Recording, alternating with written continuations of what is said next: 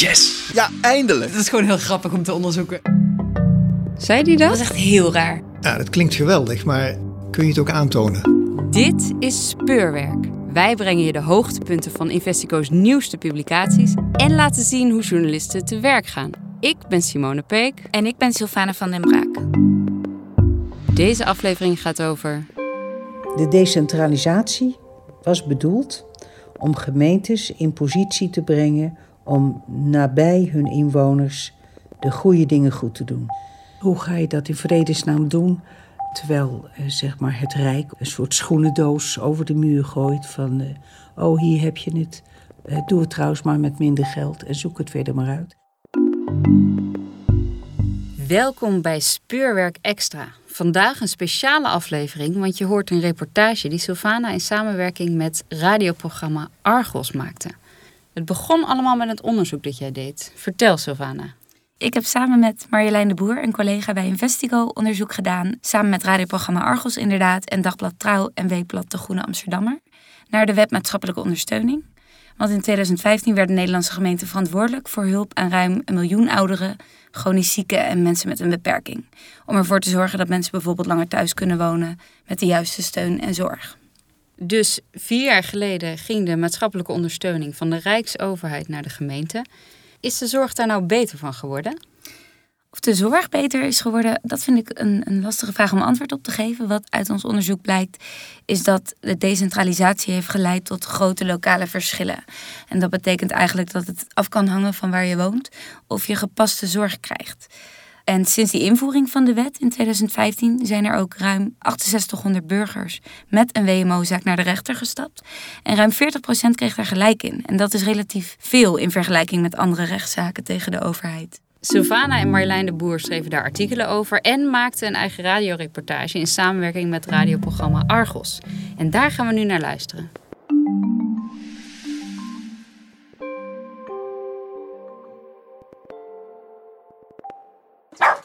Hey. Oh, oh, oh. Rustig jij. Zal ik het ook weer doen? We zijn nu net buiten Soest. Uh, en we gaan zo even de eng op. En dan kunnen de hondjes ook even loslopen. Ja, kunnen ze even spelen samen. Ja. River is een uh, Sheltie. En um, het is eigenlijk een, een, een beetje een klein, klein hondje met heel veel haar. Hij lijkt een beetje op een lassiehondje, maar dan in het klein. Dit is Eliane. Eliane heeft een eetstoornis en lijdt als slachtoffer van seksueel misbruik aan het posttraumatische stresssyndroom. De voedingszonde bij haar neus is niet de enige reden waarom ze opvalt. Ze wordt namelijk constant gevolgd door haar assistentiehond River. Eliane wil liever niet met haar achternaam op de radio, maar wil wel graag vertellen waarom River zo belangrijk voor haar is. Ja, we zijn heel close. Um, we kunnen eigenlijk geen moment zonder elkaar. Nou ja, voor mij betekent hij echt, echt heel veel. Ik zou het klinkt heel groot, maar dat is het eigenlijk ook. Het is het verschil tussen uh, leven en dood. um, ik heb een, een, moment gekregen op het moment dat het heel slecht met mij ging. Ja, ik was heel suicidaal. Mijn lichaam was ook op door de eetstoornis. Ik moest ook het ziekenhuis in. En hij was mijn doel om te gaan vechten. En nog de enige hulp. Uh, ik was uitbehandeld in klinieken. En met hem ja, was nog het doel om het te gaan proberen, zeg maar. En nu betekent het voor hem, mij dus ook dat ik moet goed voor mezelf zorgen. Uh, om voor hem te kunnen zorgen. Hij geeft me structuur in de dag. Uh, opstaan, eten geven, zelf eten, uitlaten, naar buiten, mezelf mijn boodschappen kunnen doen. River is voor Eliane van levensbelang. Maar zo'n assistentiehond kost best wat geld. Naast de aanschaf van 1100 euro is Eliane elke week maar liefst 120 euro kwijt voor het laten trainen van River. Dat doet ze samen met een coach. Voor deze kosten volgt bij de gemeente Soest een persoonsgebonden budget aan, een PGB. Ze moest een jaar wachten tot dat werd toegekend. Nou, het was vooral dat ik de eerste in Soest ben die een PGB aanvraagt voor een hulphond. Dat hadden ze, hebben ze gewoon nog niet. Het ligt nog niet kant en klaar in Soest. Dus uh, er waren geen protocollen voor. Uh, er waren verschillende meningen volgens mij ook over binnen de gemeente. Ze waren bang voor als we hem nu bij jou afgeven, krijgen we er straks tig hulphonden. Wat heeft nou een hulphond voor mij qua meerwaarde? En dat moesten we heel erg gaan verdedigen. Dus daar hebben we veel vragen over gekregen. We hebben brieven moeten opstellen. Ja, en dat duurt lang steeds. Want dan sturen ze weer een brief van dit en dit willen we van jou weten. We sturen het op. Duurt het weer een paar weken. De gemeente komt heel vaak met. Die wil het ook wel een beetje neerschuiven op. Ja, dan moet je bij de zorgverzekeraar zijn. Doordat ik hem heb, kunnen ze bijvoorbeeld mijn woonbegeleiding, wat ook vanuit de gemeente natuurlijk gefinancierd wordt, kunnen die uren kunnen naar beneden. Want soms gingen zij mee boodschappen doen of moesten zij mee naar afspraken. Maar dat is niet meer nodig, omdat ik hem heb. Daardoor gingen ze ook inzien bij de gemeente dat hij echt veel toevoegt. De gemeente Soest had veel tijd nodig voor het uitzoekwerk en wilde antwoord krijgen op vragen als: wat zeggen rechters en is er wetenschappelijk onderzoek? Ze wilden maatwerk leveren en moesten daarom weten wat nu precies de meerwaarde van de hulphond is voor Eliane en of ze voor hem kan zorgen. Voor een volgende aanvraag weten ze dat nu en kunnen ze sneller handelen. Monique Deug begeleidt vrouwen als Eliane met het opleiden van hun hond en daarmee met een terugkeer in de samenleving. Als het nodig is, helpt Deug bij hulpaanvragen. Zij merkt dat gemeenten daar heel verschillend mee omgaan. De helft van de aanvragen die zij en haar collega's doen voor vrouwen in vergelijkbare situaties, wordt niet toegekend. Je ziet echt een willekeur in gemeentes, wat hun visie is op assistentiehonden. En bij de een bemerk je dat dan gezien wordt de begeleidingsaspecten, waardoor de cliënt eigenlijk zelfredzamer wordt en zelfstandiger wordt. En daardoor beter kan integreren en kan participeren, wat het doel is van de, vanuit de WMO. En vanuit de andere gemeenten zien we soms dat ze echt sec kijken. Dan zie je dat men te veel naar de regels kijkt. Of heel erg kijkt juist naar de regels om het af te wijzen. In plaats terwijl je vanuit de WMO moet kijken. Uh, want daar is die toen voor bedoeld vanaf 2015. Wat heeft de burger nodig om zijn integratie en te kunnen participeren in de maatschappij? Maatwerk. M maatwerk. Ja, we hebben hier maatwerk. En er zijn dus ook gemeentes waar je aanklopt waar dat begrip en die kennis wel is. Ja, of die kijken wat maakt dat iemand een hulphond heeft of een assistentiehond heeft. En wat is van haar de toegevoegde waarde als ze die aanvraag doet bij de WMO.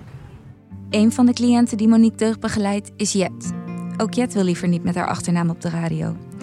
We ontmoeten haar en haar golden retriever Toon als ze net terugkomt van haar therapie. Ik ben uh, Jet, ben 21 jaar en ik ben in behandeling voor anorexia en een depressie. En daar helpt uh, Toon me bij. Dat ik bijles geef gaat dan is haalbaarder met hem. En Want je geeft bijles? Uh, ja, ik geef bijles op een school. En dan gaat Toon ook mee nu. In wat? In, uh, op dit moment wiskunde en economie. Oké. Okay. Ja. En voorheen deed je dat niet? Of deed je het uh, Ja, deed het veel minder vaak. Want dan was het sneller als het dan somberder of suicidaler werd. Dan kon het niet doorgaan. En nu gaat Toon mee, dus dan kan het gewoon altijd doorgaan. En ik wil ook gaan studeren. Dus, en dat wordt ook dan mogelijk door hem sowieso al zijn aanwezigheid helpt me. Omdat ik uh, met hem erbij niet mezelf iets aandoe, want ik wil hem niet in gevaar brengen. Dus dat helpt sowieso. En daardoor kan ik met hem dan ook dingen alleen doen, bijvoorbeeld boodschappen doen. Omdat dat dan gewoon veilig is, want dan ga ik gewoon met hem naar de winkels en dan daarna gewoon weer naar huis. Terwijl de gemeente Soest maatwerk levert bij Eliane, lukt het Jet niet om bij de gemeente Soetermeer de training van haar hulphond gefinancierd te krijgen. Voor de aanschaf heb ik uh, dat een uh, inzamelingsactie op Facebook gestart. En voor de aanschaf had ik daar wel genoeg geld mee verzameld.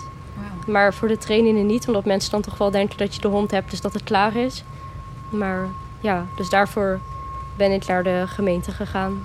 En hoe ging dat? Uh, nou, eigenlijk uh, niet zo goed in eerste instantie. Er werd eigenlijk gebeld dat het niet kon, omdat ik niet blind of doof ben.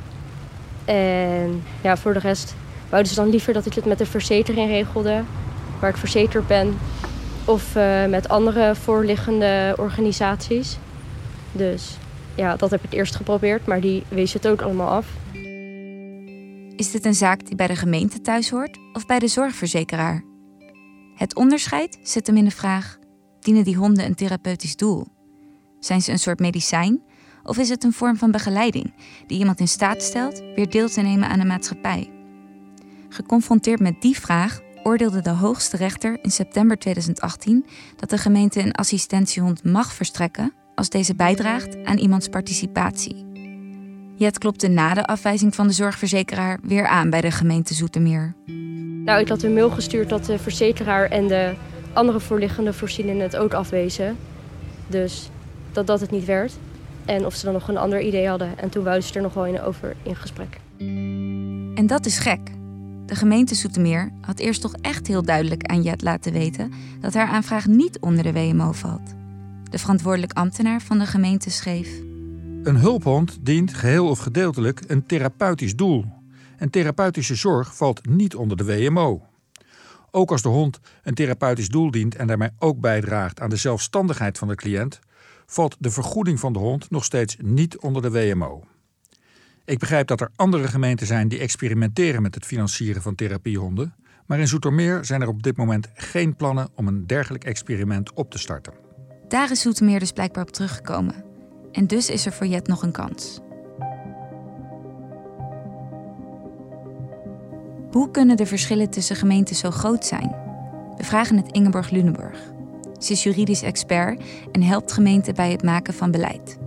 Ik zie voornamelijk verschillen tussen gemeenten die een hele beleidsarme of een hele kale verordening hebben, waar eigenlijk bijna niks in staat buiten de hele concrete wettelijke opdrachten. Dus dat is op zich ook niet zo spannend. Maar voor wat betreft de criteria zie je daar nauwelijks of geen bepalingen in. En je ziet een beleidsrijke verordening, als je dat zo zou willen zeggen. De gemeenteraad die moet in de verordening vaststellen op grond van welke criteria iemand in aanmerking kan komen voor een maatwerkvoorziening. Dat is wel vrij vaag, want wat wordt er onder criteria verstaan? Wanneer krijg je het wel en wanneer krijg je het dan niet? Ehm, de gemeente mag bijvoorbeeld niet opschrijven in de verordening. Bij ons verstrekken wij geen sportrolstoelen of iets dergelijks. Maar ze kunnen wel opschrijven wanneer iemand voor een sportvoorziening in aanmerking zou kunnen komen. Dingen in beleidsarme verordeningen die opvallen, is dat daar gewoon niet de voorwaarden in staan die erin horen te staan. Omdat ze vinden dat regels, welke regels dan ook, uh, maatwerk in de weg staat. Ja, en daar ben ik het niet mee eens. En dat merk ik ook gewoon in trainingen die ik uh, geef. Dat mensen die werken bij een gemeente waar bijna niks is vastgelegd. Begonnen met ja, je moet uitgaan van de hulpvraag van de burger. Je moet doen wat goed is, out of the box denken. Uh, wat allemaal dingen zijn die ik als mens best koester. Maar je kunt je wel voorstellen dat dat voor iedereen anders is. Dus je krijgt heel veel willekeur.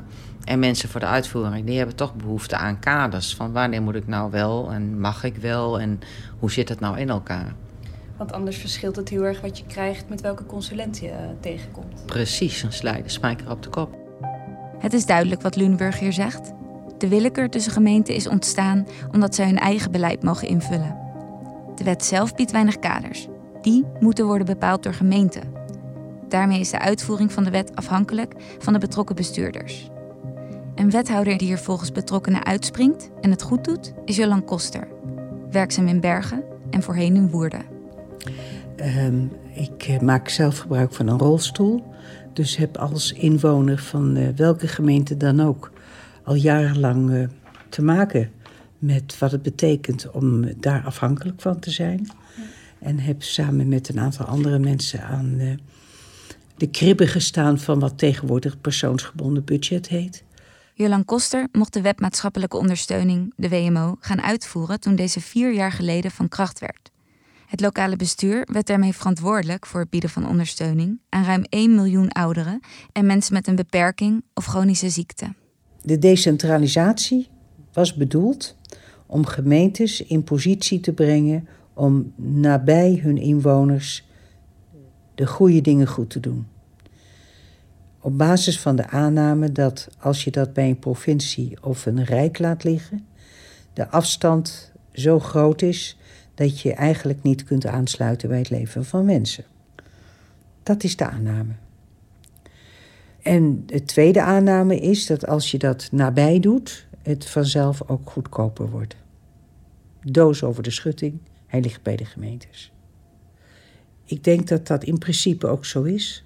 Dat als je de buurt kent, de cultuur in een gemeenschap, eh, misschien de mensen kent, beter kent, dat je daardoor een passender arrangement kan laten ontstaan. En zoals je weet, als iets passend is, is het uiteindelijk ook efficiënter en dus goedkoper. Maar dat moet nooit de reden zijn waarom je het goedkoper maakt. Je moet het eerst doen omdat het passend moet wezen. Den Haag legde de bal neer bij de gemeente. En het moest ook nog eens met minder geld. Als we Jolan Koster vragen wat dat concreet betekende, wordt ze opnieuw kwaad. Hoe ga je dat in vredesnaam doen? Terwijl eh, zeg maar het Rijk een soort schoenendoos over de muur gooit van... Eh, oh, hier heb je het. Eh, doe het trouwens maar met minder geld en zoek het verder maar uit. En als je je maar hier aan houdt en daar aan houdt en zus aan houdt en zo aan houdt. Respectloos. Respectloos naar inwoners. Respectloos naar, van de ene overheidslaag naar de andere. Empathieloos. Leeg en vol tegelijk. Je hebt amper tijd om goed uit te zoeken wat er nou precies in die doos zit. Want uh, hij is over de muur gedonderd en je moet onmiddellijk aan de slag. Moeilijk om te begroten, omdat je eigenlijk niet weet wat er in die doos zit. Het ging gepaard, de doos ging gepaard met een bezuiniging. Uh, de gemeentes hadden en hebben de ambitie om inderdaad nabij inwoners dingen te organiseren. Maar het is heel lastig als je ergens voor verantwoordelijk wordt gemaakt, terwijl je nog niet beschikt over de bevoegdheden of de middelen om dat goed te kunnen doen. En nou, dat voelt gewoon niet goed, maar het is. En dan moet je het uh, zo goed mogelijk gaan doen onder die omstandigheden en elkaar vasthouden. En nou ja, terwijl de verbouwing gaande was, was de winkel open. En ben je eigenlijk een hele tijd gewoon maar aan het doen zonder te denken. En zoals je weet is dat heel onverstandig. Behalve als het over de liefde gaat. Voor de rest moet je eerst denken en dan doen. Als wethouder in Woerden stelde Koster samen met inwoners het beleid op. Ze wilden maatwerk leveren, zonder zich al te veel aan te trekken van de WMO. Dat werkte goed. In de gemeente Woerden zijn over de wet bijna geen rechtszaken gevoerd. Ik denk dat dat voor een gedeelte komt omdat zowel de visie, het beleid als de uitvoeringspraktijk in Woerden heel erg samen met inwoners is ontwikkeld. En dat was niet eenvoudig, kan ik jullie vertellen, maar wel zeer de moeite waard, omdat daardoor een, een uh, cultuur is ontstaan die door heel veel partijen werd gedragen. Dus niet alleen politieke partijen, maar door mensen, door organisaties. Uh, er was ook een, een groot gezamenlijk uh, gevoelde verantwoordelijkheid om het allemaal goed te laten lopen, want ze hadden het mee samen ontwikkeld. Het was dus ook hun WMO. En omdat we elke keer weer ons gloeiende best deden om aan te sluiten bij het leven van mensen, dus ook mensen die nieuw in het systeem kwamen, ontstond van begin af aan ook daar uh, het gevoel van ik word niet gewogen, maar ik speel mijn rol mee in het uiteindelijke besluit wat er gebeurt. Toch zijn de verschillen tussen gemeenten onvermijdelijk, vindt Jolan Koster. Ja, het gekke is dat lokaal bestuur nou eenmaal lokaal is en dat het in Bergen anders gaat dan in Woerden, want daarom heet het ook lokaal bestuur. Ik kan me best voorstellen dat je vanuit landelijk oogpunt, of, als je als burger denkt van, god, die WMO, verschillen tussen gemeentes, dat leidt ook wel tot ongelijkheid. Wat is mis met ongelijkheid? Het moet wel rechtvaardig zijn, uh, maar in het kader van uh, integraal werken en aansluiten bij het leven van mensen is rechtmatigheid, want daar heb je het dan namelijk over, wordt een ander verhaal. Dus ik denk dat verschil noodzakelijk is en niet anders kan als je het leven van mensen als uitgangspunt neemt. Maar als het inderdaad precies hetzelfde is in de ene gemeente en in de andere gemeente qua casuïstiek, en er wordt dan tot een verschillende beslissing gekomen, zou dat te maken kunnen hebben met de verordening en het beleid wat in zo'n gemeente is eh, vastgesteld. En die is vastgesteld door de gemeenteraad. En daar heb jij voor gestemd. Dit is een gemeente die relatief heel oud is. We hebben geloof ik uh, verhoudingsgewijs de meeste ouderen in deze gemeente wonen van heel Nederland. En dan is het logisch dat je dan met elkaar arrangementen maakt die past bij die demografie. Dus het verschil tussen Woerden, Delft en Bergen is groot. Als het gaat over waar geef je nou sociaal domeingeld aan uit. Als dat betekent dat er sprake is van onrechtvaardigheid, dat mag nergens gebeuren. Maar is het dan zo, uh, stel je woont in zo'n gemeente, zou je dan, en je, je hebt niet zoveel geld en je bent wel heel erg afhankelijk van het waardedenken, in, uh, dan heb je pech. Zou je dan maar moeten verhuizen? Ja. ja, ik denk dat ik dat serieus zou overwegen. Kan het niet anders maken. Er kunnen dus grote verschillen ontstaan tussen gemeenten vanwege de beleidskeuzes die ze maken. Maar wanneer is dat onrechtvaardig? We spreken Ilja Soffer, directeur van Iedereen, de koepelorganisatie voor mensen met een beperking of chronische ziekte. Ze ziet dat het afhankelijk is van je postcode of je wel of geen gepaste zorg krijgt. Eigenlijk toen de WMO daar aan zat te komen, uh, waren onze organisaties best wel geporteerd van het idee dat zorg, uh, zoals in de WMO staat, tot stand zou komen en dat dat passend zou worden. We vonden het ook nog wel te begrijpen dat er een zekere beleidsvrijheid zou zijn tussen gemeenten. Want als je in Kerkrade woont, moet jouw rolstoel zeg maar de berg op kunnen. En als je in Flevoland woont, zijn er geen bergen. Dus dat er verschillen zijn die lokaal uitlegbaar zijn, dat vonden we ook een goed idee. Maar wat je eigenlijk hebt zien gebeuren, is dat die beleidsvrijheid heeft geleid tot een lappendeken aan verschillende opvattingen, meningen, mogelijkheden, uitvoeringspraktijken, beleidsregels. En dat daardoor, als je in de ene gemeente woont, je misschien niet je hulpmiddel of je voorziening krijgt. En in de andere gemeente wel. Dat in de ene gemeente een kind met een beperking wel met begeleiding naar school kan en in de andere gemeente niet. Dat komt volgens Soffer door de onzalige combinatie van decentralisatie en bezuiniging. Je ziet eigenlijk dat dat idee heel veel last heeft gehad van de bezuinigingsopgave die tegelijkertijd moest worden uitgevoerd. Dus maatwerk leveren was heel erg gekleurd door het idee dat je alles wat iemand zelf kan doen, moet iemand dus zelf doen. Uh, daarin zie je wel door de uh, bezuinigingsopgave een vertekening in de richting van zo min mogelijk. Dus je ziet, de WMO heeft vooral ingezet op lichte interventies, kort en uh, stoppen zodra het op een andere manier weer een beetje op de rit is. Maar bijvoorbeeld bij een jongere met een verstandelijke beperking of uh, iemand met autisme, is stoppen met die hulp betekent eigenlijk onmiddellijk weer opnieuw problemen. Bij iemand die uh, met een spierziekte zit, die progressief is en daar begeleidingsvormen voor nodig heeft, zie je dat het stoppen onmiddellijk een verslechtering uh, veroorzaakt. En eigenlijk zit er geen mechanisme in die WMO om dat maatwerk dan ook duurzaam voor 30, 40, 50 jaar te kunnen garanderen. Het wordt heel kort gedacht. De ironie is dat de wet bedoeld is om passende zorg te leveren die dichter bij de burger staat. Nu blijkt dat die toegang helemaal niet makkelijker is geworden, maar dat juist het tegenovergestelde gebeurt. Burgers moeten keihard vechten om de juiste ondersteuning te krijgen. Ja, wat natuurlijk nooit de bedoeling is geweest, maar wat we wel zien, is dat mensen dus een enorm gevecht moeten leveren om uiteindelijk passende oplossingen te krijgen. En dat dat gevecht dat kan bestaan uit bezwaar maken, dreigen met beroep, escaleren. Er komen ook mailtjes binnen bij het ministerie van VWS, bij de uh, secretaris-generaal of bij de minister. En dus er wordt enorm geëscaleerd. Dus je moet van hele goede huizen komen. En als het dan nog niet lukt, moet je enorm kunnen escaleren en vechten. En tot het gaatje willen gaan om het goed te krijgen. En dat is eigenlijk wel een hele pijnlijke vraag aan mensen die eigenlijk het meest kwetsbaar zijn in de samenleving. Want anders zouden ze nooit een beroep doen op zo'n WMO. Hallo. Hi. Hi. Een vriendelijke vrouw in een kleurrijke lange jurk met een cowboyhoed doet open.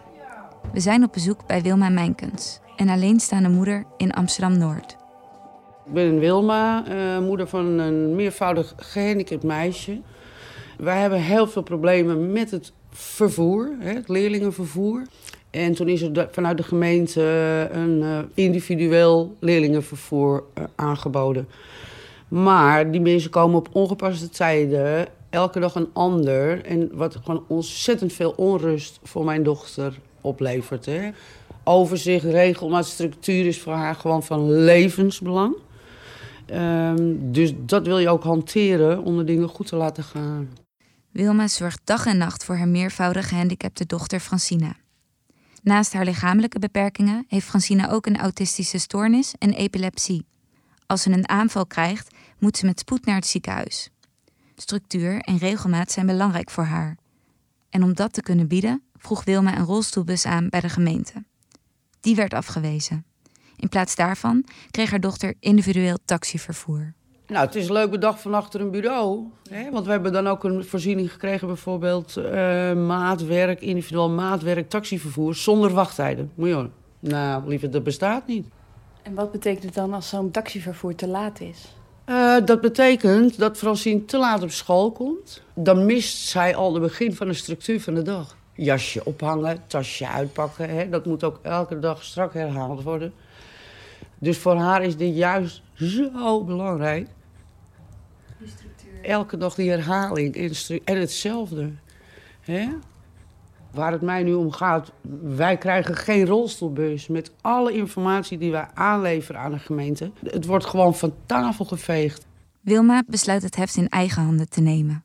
Met plankjes en schroefjes die ze kan vinden, bouwt ze haar gele Peugeot bestelauto om, zodat ze Francina zelf naar school kan brengen. Ze neemt ons mee naar de parkeerplaats achter haar huis om te laten zien wat dat in de praktijk betekent. Hallo, hallo. Nou, dus het is altijd wel even een klusje. Want ik moet dus bijvoorbeeld nu eerst de auto achteruit gaan rijden, want ik heb geen ruimte voor de rolstoel. Maar ja, goed, dan moet Francine dus eerst... Uh, Als eerste klimt Francina vanuit haar rolstoel in de bijrijdersstoel. Zoals je ziet, haar benen zijn verlamd. Maar goed, het is uh, natuurlijk niet fijn voor je scheenbenen als je in moet kruipen. Dus ik heb een soort schuimrubber hierop uh, gemonteerd, zodat het zacht is aan haar benen. Wilma heeft wat schuimrubber aangebracht aan de onderkant van de autodeur. Zodat Francina haar benen niet bezeert als ze zichzelf de bus inhijst. Dan rijdt Wilma de auto achteruit. Dat dus. Nou ja, dan zit Francine op een gegeven moment dus voorin. En dan komt mijn werk. dan ben je nog even bezig. Veel groene bestel uit.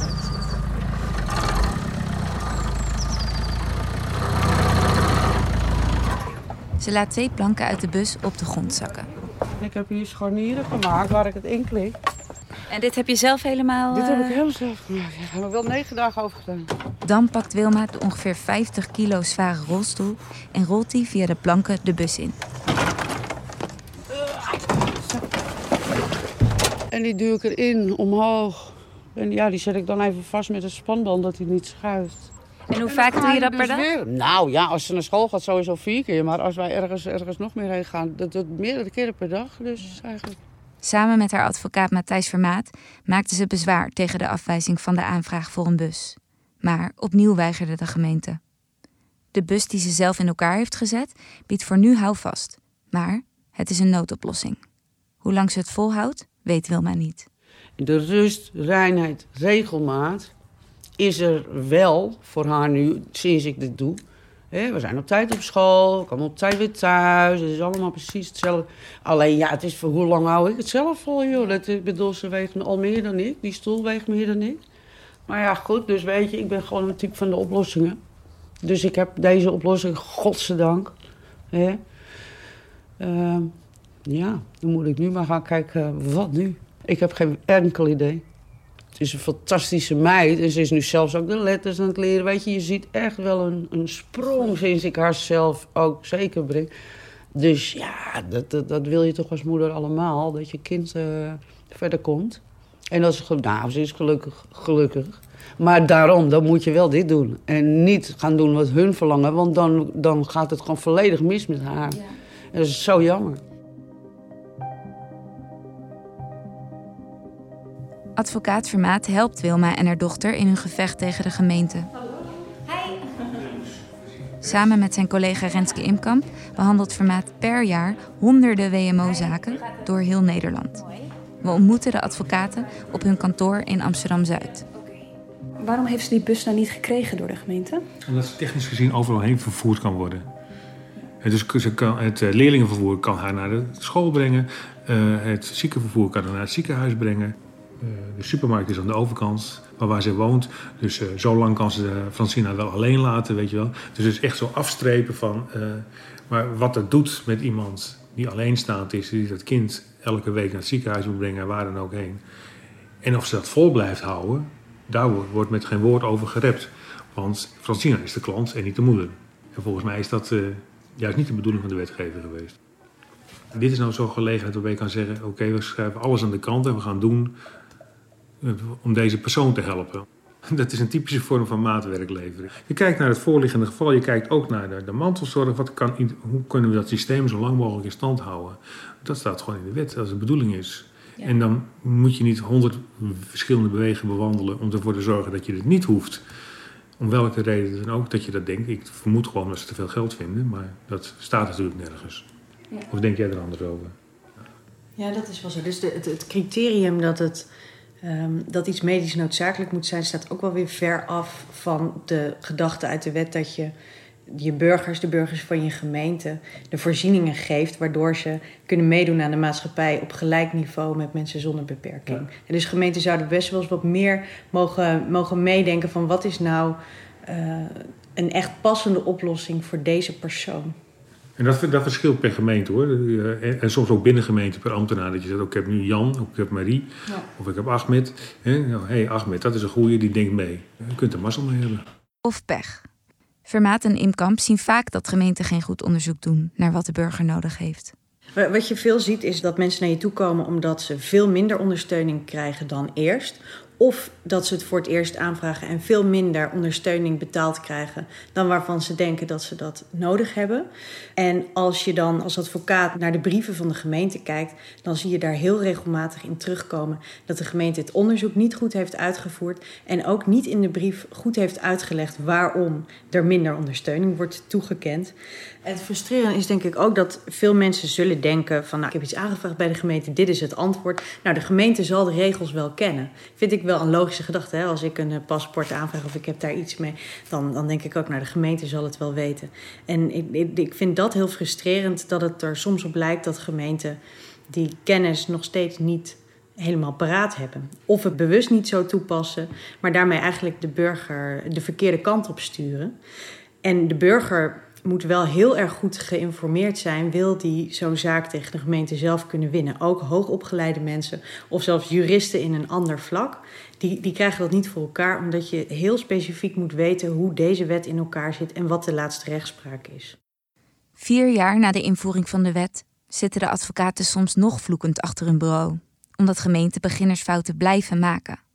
Een veel voorkomende fout heeft te maken met het leveren van mantelzorg dat is wel iets wat, je heel vaak, wat wij heel vaak tegenkomen. Dat is dat heel makkelijk door een gemeente een ondersteuningsvraag wordt afgewezen. Omdat dat mantelzorg zou zijn. Dat is een begrip dat iedereen in het dagelijks leven kent. Maar dat een specifieke juridische betekenis heeft. Namelijk onbetaalde zorg die iemand vrijwillig levert. Daarvan heeft de hoogste rechter, de Centrale Raad van Beroep, al meer dan twee jaar geleden gezegd. Gemeente, je mag dat alleen maar zo noemen als iemand heeft aangegeven dat hij het echt onbetaald wil doen. Dan noemen we het mantelzorg. We zien tot op de dag van vandaag komen er brieven binnen van gemeenten die dat heel anders aanvliegen en die gewoon zeggen: Nou, u heeft een kennis of een vriendin of een moeder, die kan dat wel voor u doen, dus u krijgt geen ondersteuning, want dat is mantelzorg. De hoogste rechter zegt dat het niet mag, maar de gemeenten leggen die uitspraak domweg naast zich neer. Hoe kan dat? Daar kunnen wij ook niet altijd de vinger achter krijgen. Maar soms dan is het zo dat er een bepaalde lijn in de rechtspraak is. Dat we heel duidelijk kunnen zien dat rechters zeggen: gemeente, zo mag je het gewoon echt niet doen. Wat staatsrechtelijk dan juist zou zijn, is dat een gemeente daar ook navolging aan geeft. Dus zijn beleid aanpast, of in elk geval tegen individuele burgers dan voortaan doet zoals de rechter het heeft gezegd. Nou, we kunnen constateren dat dat heel vaak niet gebeurt. Uh, wij zitten natuurlijk niet eh, erbij bij gemeentes, dus wij weten niet zeker waar dat door komt. Wij hebben wel de indruk dat het soms een bewuste keuze is van de gemeente. En soms dan is dat omdat een wethouder dat gewoon openlijk zegt. En dat brengt ons wel eens op de cynische gedachte dat het een wethouder een gemeente in zijn algemeenheid uh, beter uitkomt om het beleid toe te passen zoals dat eigenlijk niet mag, omdat dat meer geld oplevert dus dat ze alleen maar het goed doen voor de mensen die ook echt individueel gaan procederen. Dan kan je denken, nou, we gaan dit uh, eh, 200 keer toepassen als gemeente. We weten dat het niet kan. Misschien zijn er 10 mensen die naar de rechter gaan en die winnen dat. Dan moeten we het voor die 10 mensen aanpassen. En hebben we het voor een hele grote groep alsnog kunnen doorvoeren. Zijn we onder de streep goedkoper uit. Dat is wel een heel cynische gedachte. Ik denk ook zeker niet dat dat er altijd achter zit. Maar dat gebeurt helaas wel. En dat is natuurlijk niet hoe het zou moeten zijn. Het ideaal van de WMO was dat het niet zo juridisch meer zou zijn. Geen gedoe over waar je eigenlijk recht op hebt. We gaan langs bij de Rijksuniversiteit Groningen. Hoogleraar Sociale Zekerheidsrecht, Gijsbert Vonk, volgt de decentralisatie nauwlettend. Er was ook sprake van een grote bezuinigingsoperatie en het voorzieningenniveau werd omlaag geschroefd. De suggestie werd gewakt dat met masseren en praten en het bieden van maatwerk burgers dat helemaal niet erg zouden vinden.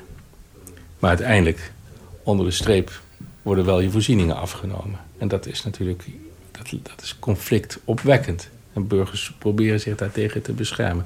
En de rechter wordt op dat moment je grote bondgenoot.